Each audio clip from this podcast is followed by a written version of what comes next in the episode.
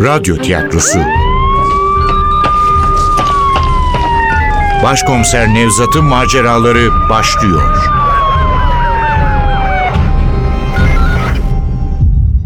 Kırlangıç Çığlığı 6. Bölüm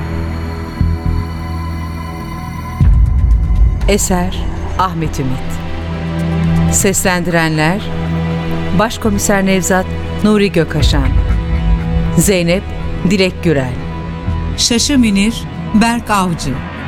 Efektör Cengiz Saral Ses Teknisini Ozan Akıncı Yönetmen Ogün Yağcı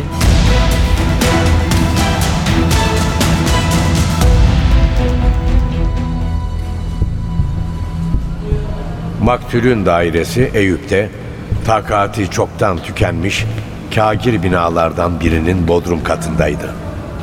Güneşin altında gümüşten levhalara dönüşüp gözlerimizi kamaştıran Arnavut kaldırımlarını çiğneyerek miadını çoktan doldurmuş binanın kapısından içeri girince İstanbul'da kıyıya yakın semtlerde oturanların çok iyi tanıdığı o küf kokusu çarptı burnumuza. Aldırmadım. Dışarıdaki cehennemi sıcaktan sonra apartmanın görece serinliği ilaç gibi gelmişti. Zeynep de benim gibi hissediyor olmalı ki yorgun yüzünde halinden memnun bir ifadeyle apartmanın içini incelemeye başlamıştı. Ne zamandır boya badana görmemiş duvarlara sinen o ağır rutubet kokusunu ciğerlerimize çekerek yıpranmış basamaklardan inerken bodrumdan gelen seslerle irkildik. Aşağıdaki tek dairede sadece Akif Soykan kalıyordu.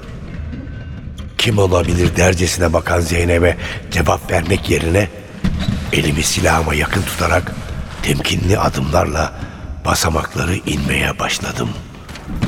Birkaç basamak sonra dairenin kapısına ulaşmıştık. Yine duraksadık.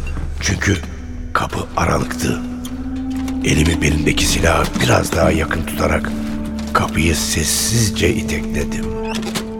Ne bu şimdi? Niye bu çerçevelerin içi bomboş?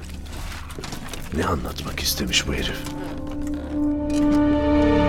Kim var orada? Ah, başkomiserim siz misiniz? Şaşı Münir duruyordu burnumun dibinde. Evet bir zamanlar Asayiş Şube Müdürlüğü'nün cevval komiser yardımcısı. Şimdi komiser Münir olarak görev yapıyordu. Yüzündeki endişe anında dağıldı. Ona şaşı lakabını kazandıran şehla gözleri tatlı bir ışıkla aydınlandı. Ne yapıyorsun burada Münir? Ne yapacağız başkomiserim? Tacizcinin peşindeyiz. Akif Soykan'ın öldüğünü bilmiyor musun? Biliyorum, biliyorum. O yüzden buradayız. Şey, yanlış anlamayın başkomiserim. Sizin işinize bulaşmak gibi bir derdim yok. Sadece çocukları bu sapıklardan korumaya çalışıyoruz. İşte o yüzden bunlar öldükten sonra da onların peşini bırakmıyoruz. Kimlerle arkadaş, hangi internet sitelerini takip ediyor, başka tacizcilerle bağlantıları var mı diye. Siz de katilin peşindesiniz tabii. Bir ipucu falan bulabildiniz mi? Kime soruyorsun? Ne? Ne dediniz başkomiserim? Kime soruyorsun Münir? Bir gözün bende, bir gözün Zeynep'te. Sahiden şaşı olacaksın be oğlum. Yok, yok başkomiserim olur mu öyle şey? Kusura bakmayın yani. Hanımefendi bir yerlerden gözüm ısırıyor da o yüzden. Hanımefendi kriminoloğumuz. Aynı zamanda benim elim ayağım. Ali'nin de sözlüsü. Komiser Ali'yi hatırlıyorsun değil mi? Bir an Zeynep'e baktım. Kaşlarının hafifçe çatıldığını, gözlerini huzursuzca kaçırdığını gördüm. Sözlerim onu mutsuz etmişti. Sanırım ben kendimi korurum, siz niye müdahale ediyorsunuz diyordu. Neyse neyse Münir. Hadi sadede gelelim. Şu Akif Soykan adındaki şahıs. Adamın sizde özel bir dosyası var değil mi? Elbette var. Hem de çok ayrıntılı bir dosya. Hatırlıyorsunuz bu adam rahmetli kızınızı taciz edecekti. Hatırlıyorum Münir. Hepsini hatırlıyorum. Zaten insan nasıl unutabilir ki böyle bir şeyi? Evet başkomiserim bu adamlar alçak. Hatta alçağın önde gideni. Öldürüldü diye yaptığı kötülükleri unutmamız gerekmiyor. Evet Akif Soykan adındaki bu sapı hapisten çıktıktan sonra da izlemeye almıştık. Şahsa özgü bir uygulama değil. Çocuk tacizcilerinin hiçbirini böyle başıboş bırakmıyoruz. Bırakmıyoruz dedimse her saat, her dakika, her davranışını kontrol etmekten bahsetmiyorum. Çalıştığı iş yerini öğreniriz. Kaldığı yerin adresini tespit ederiz. Ona çaktırmadan iş yerindeki yöneticileriyle, mahalledeki komşularıyla konuşuruz. Aslında son iki yıldır bir vukuatı olmamıştı Akif Soykan'ın. En azından bize yansıyan bir taciz vakası olmadı. Sanırım daha önceki günahları için öldürüldü. Yani katil eski defterleri kurcalayan biri. Cinayet mahallinde bir oyuncak bebek bulduk. Akif Soykan'ın kızıma verdiği Barbie'nin benzeri.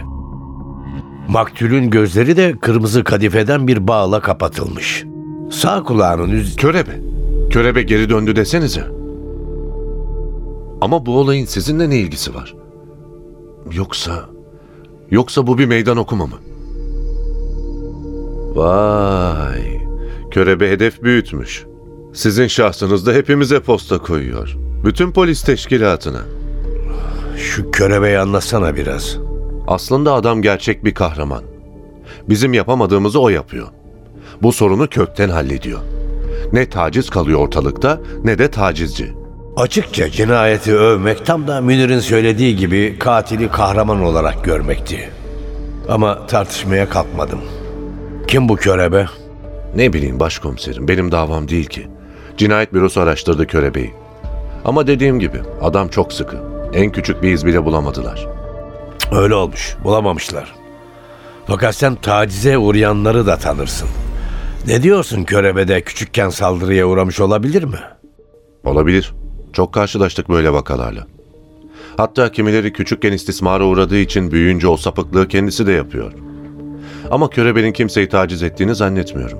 Öyle biri değil o. Belki de bir yakını tacize uğramıştır. Oğlu, kızı, belki kardeşi. Bu ihtimali de gözden uzak tutmayın derim. Bu taciz olayı öyle berbat bir iş ki başkomiserim. Sadece kurbanı değil, yakınlarının hayatını da alt üst ediyor. Evet, tacize uğrayan şahıs bu travmadan kurtulmak için başkasına acı çektirmeyi seçebilir. Adamın zaten içinde de varsa bu iş onu rahatlatıyor. Hmm, bir süreliğine. Sonra travması yeniden uyanıyor. Yeniden acı çektirmesi yahut öldürmesi gerekiyor. Aynen öyle Zeynep Hanım. Körebe de böyle biri olmalı. 2012 yılında 12 kişiyi öldürdü. Demek ki 12 tacizcinin ölümü ancak 5 yıl rahatlatabildi onu. Bakın yeniden öldürmeye başlamış. Ama ben de sizin gibiyim. Bu seri katille ilgili elimde hiçbir belge ya da bilgi yok. Peki maktule dönelim. Sence Akif Soykan küçükken cinsel tacize uğramış olabilir mi? Şart değil başkomiserim. Cinsel tacize uğrayanlar da var aralarında, uğramayanlar da. Mazeret bulmaya çalışmak tacizcileri haklı gösterir. Araştırdınız mı evi? Var mı işimize yarayacak bir şeyler? Var, var başkomiserim. Körebeyi bulmamıza yaramaz ama öldürülen sapın ruh halini gösterecek epeyce malzeme var. Gelin kendi gözlerinizle görün. Salona girer girmez anladım ne demek istediğini. Bütün duvarlar neredeyse laciverde yakın bir maviye boyanmıştı. Pencerelerse bordo renkli perdelerle kapatılmıştı. Ne karanlık ruhu varmış. Ne kadar kötü renkler bunlar. Dört duvarın dördüne de sarı yaldızlı ahşap çerçeveler asılmıştı ama işlerinde ne bir resim vardı ne de bir fotoğraf. Sadece bembeyaz kartonlar. Ne sevinç, ne acı, ne de üzüntü. Hiç yaşanmamış, belki de hiç yaşanmayacak anları simgeleyen bembeyaz kartonlar. Karşımdaki geniş duvarda asılı olan çerçeveye yaklaştım. Sağdan, soldan, alttan, üstten incelemeye başladım. Hiç zahmet etmeyin başkomiserim. Kontrol ettik. Özel ışıkla da inceledik. Ne bir yazı, ne bir mesaj, ne de bir çizim var. Münir konuşmasını sürdürürken köşede ahşaptan yapılma küçük bir kitaplık gördüm. Duvardaki çerçeveler gibi yaldızlı bir sarıya boyanmıştı ve kitapların hepsi mavi bir kağıtla kaplanmıştı. Duvarların rengiyle aynı olan mavi kağıtlarla. Herif sağlam manyakmış deyip geçmek işin kolayına kaçmak olurdu. Önemli olan bu yaldızlı sarının, bu acı mavinin, bu çerçevelenmiş bembeyaz kağıtların manasını çözebilmekti. Ne tür şeyler okumuş acaba? Boş. Bomboş. Bu sayfalarda yazı filan yok. Acayip bir durum. Adam kurban olmasa aradığımız seri katil bu diyeceğim. Kitaplardan birini de ben aldım. Açtım. Üzerinde tek harf yazılmamış, tek bir çizik bile atılmamış sayfalar belirdi. Bunlar kitap değil, kullanılmamış defterlerdi. Hicabi Bey'in sözlerini hatırladım. Akif'in çok güzel hikayeler yazdığını söylemişti. Yazacağı hikayeler için mi hazırlamıştı bu defterleri? Yoksa başka bir şey için mi? Yok canım, öyle olsa bir ya da iki tane olurdu. Oysa kitaplıkta kapakları mavi ciltte kaplanmış, içi bomboş en az 50 defter vardı. Belki de henüz yazılmamış kitaplar. Belki Akif Soykan yaptığı alçaklıkları yazmak istiyordu. Ama cesaret edip yazamadı. Ah keşke yazsaydı. Çok işimize yarardı. Ne işimize yarayacak Zeynep Hanım? Gerçeği anlatmazdı ki. Olayları çarpıtır, kendini masum göstermeye çalışırdı. Hiç sanmıyorum. Akif kendi durumundan rahatsızmış. Boş çerçeveler, bu defterler adamın acı çektiğini gösteriyor. E, belki de yazsaydı yahut yazabilseydi vazgeçerdi çocukları taciz etmekten. Yaptıklarıyla yüzleşmiş olurdu. Belki affederdi kendini. Belki kurbanlarından af dilerdi. Öyle kolay kolay vazgeçmez bu adamlar. Tedavi olmak isteseler bile kurtulamazlar bu hastalıktan. Zavallı, savunmasız çocukların hayatlarını mahvetmeyi sürdürürler. Bilmiyorum. Belki tek çare hadım etmek bunları. Ama hangisi yanaşır ki o işe? Belki de yanaşırlar. Sapık da olsa çocuk tacizcisi de karşımızda bir insan var. Sizin gibi, bizim gibi onun da bir ruhu var. Belki onlar da pişmanlık duyuyorlardır. Bu işin nedenini anlamak lazım. Nedenini anlamadan onları nasıl engelleyebiliriz? Eğer olaya böyle yaklaşmazsak sorunun kaynağına da inemeyiz. Nasıl ki tek tek katilleri öldürerek de bu işi çözemeyeceksek. Akif Soykan mutlu bir insan değildi. Belli ki başka bir hayatın hayalini kuruyordu.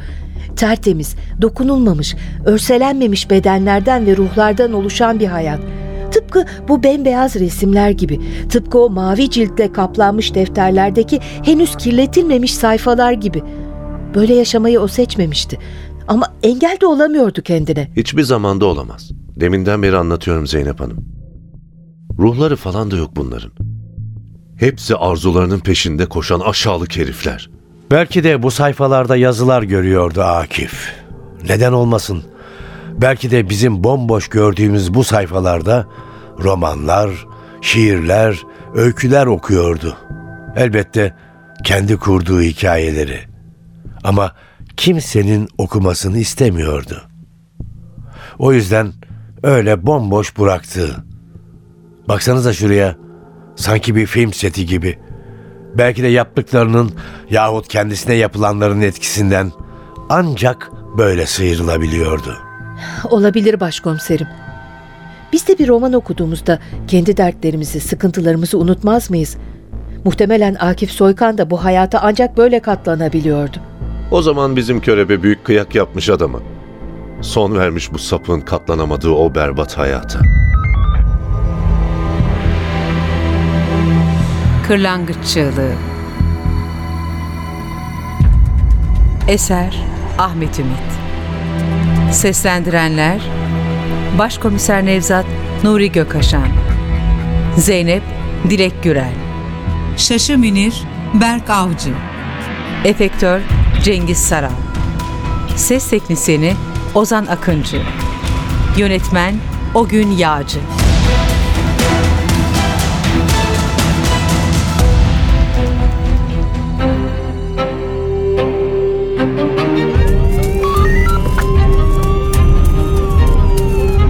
Radyo tiyatrosu. Başkomiser Nevzat'ın maceraları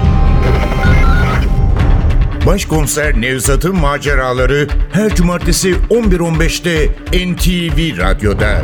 Kaçıranlar ve tekrar dinlemek isteyenler içinse ntvradio.com.tr'deki podcast sayfamızda.